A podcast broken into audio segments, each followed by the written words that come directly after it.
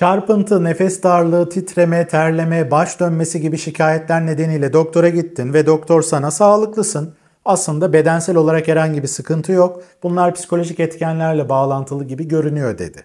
Bu noktada daha fazla kaygılanmana gerek var mı? Aslında yok. Sonuçta bedensel olarak sağlıklısın ve sevinmen gerekiyor.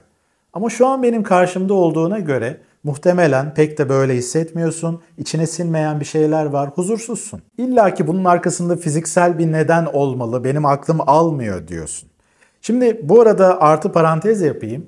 Zaten bir doktora gittiğini, gerekli muayeneleri olduğunu, tetkiklerin yapıldığını düşündüğünü varsayarak beni dinlediğini göz önünde tutuyorum. Eğer bu yollardan geçmediysen önce o yollardan geç.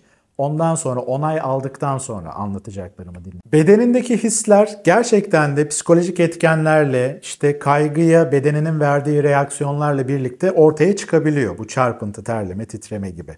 Bunların her birinin nedenini arkasındaki mantığıyla birlikte teker teker anlattığım bir video hazırladım. Eğer izlemediysen açıklamalar bölümündeki linkten o videoyu izlemen bugün anlatacaklarımla bütünlüklü bir şekilde aslında konuyu ele almanı sağlayacaktır, faydalı olacaktır. Şimdi normal şartlarda sağlıklı bir beden tehlikeyle karşı karşıyaysa eğer ya da öyle olduğunu düşünüyorsa psikolojik tehditler de bunları tetikleyebiliyor. Beden belli ilkel reaksiyonlar gösteriyor. Bu noktada bu reaksiyonlara takılmak yerine sonuçta ben sağlıklıysam bunlarla uğraşmama gerek yok. Ama acaba bedenim neden böyle bir tepki veriyor?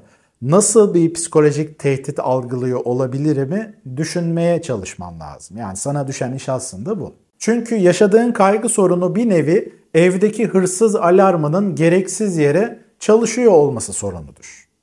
Sonuçta evdeki hırsız alarmları neye programlanmıştır? Kapı ya da pencere açıldığında oradaki sensörler bunu algılar ve sensörler bunu algıladığında ortada bir tehlike olduğunu düşünür, ortalığı ayağa kaldırır. Çok yüksek bir ses çıkarır ya da ilgili yerlere işte telefonla haber verir.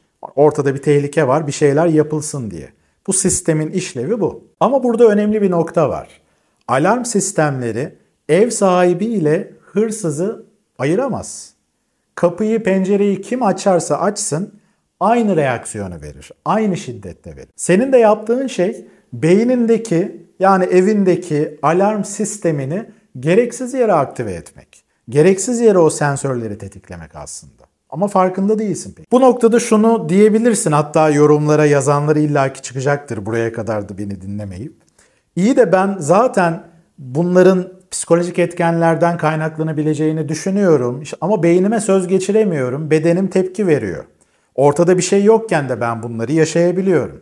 Yani ortada aslında herhangi bir tehlike var gibi hissetmiyorum, algılamıyorum. Tabii ki burada şimdi şöyle bir gerçeği göz ardı etmeyelim. İnsanlar kendini yeterince iyi gözlemlemeyebiliyor.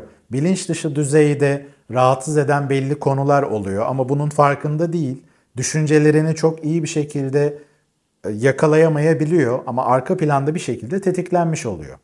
Psikolojik belli tehditler var.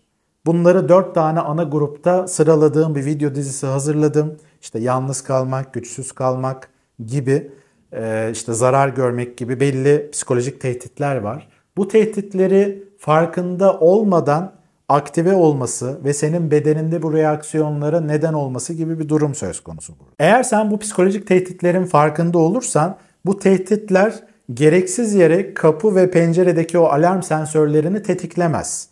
Müdahale edebilirsin ve alarm sistemi sadece hırsızla karşılaştığında bu şeyleri harekete geçirir. Yani ortada gerçekten bir tehlike olduğunda bu kaygı hissini, korku hissini yaşarsın. Tabii bunu yapabilmek için fark ettiğin gibi bu psikolojik tehditleri algılamak, yani aslında kendini tanımak, bilinç dışı düzeyde farkında olmadığın, görmezden geldiğin ne gibi sorunlar var hayatında? Bu konulara yönelik farkındalığını biraz daha artırman gerekiyor.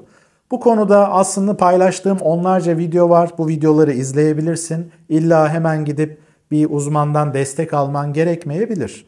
Ama eğer tabii ki kendi kendine bulmakta zorlanıyorsan, olumlu anlamda gelişmeler kat edemediğini görüyorsan ve hayatını önemli ölçüde kısıtlayan tarzda bir hale geldiyse bu sorunlar tabii ki süreci hızlandırmak, verimli hale getirmek için bir uzmana başvurup birlikte bu psikolojik tehditlerin neler olduğunu keşfetme sürecine girebilirsin. Özetle farkındalığın ve bilincin artmaya başladıkça hırsız alarmını doğru bir şekilde kullanabilmeye başlayacaksın ve gereksiz yere öterse eğer hemen paniklemeyeceksin. Eyvah hırsız girdi eve diye zıplamayacaksın yerinde. Tamam çok rahatsız edici olsa bile ses sakin bir şekilde alarmın kontrol paneline gidip onu kapatabileceksin. Kulağında belki onun uğultusu, rahatsız edici hissi devam edecek. Belki komşular duyup rahatsız olacak. Yani etkileri bir süre daha, birkaç dakika daha devam edebilir.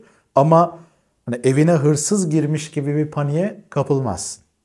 Bunu yapmanı zorlayacak 2-3 tane önemli alışkanlık var. Seni engelleyebilecek şeyler. Bunları anlattığım videoyu özellikle izlemeni öneririm. Aynı zamanda az önce bahsettiğim 4 ana psikolojik tehditin neler olduğunu anlattığım videoları da izlemen bugün seninle paylaştığım şeyleri hayata geçirebilmeni kolaylaştıracaktır. Tekrar görüşmek üzere.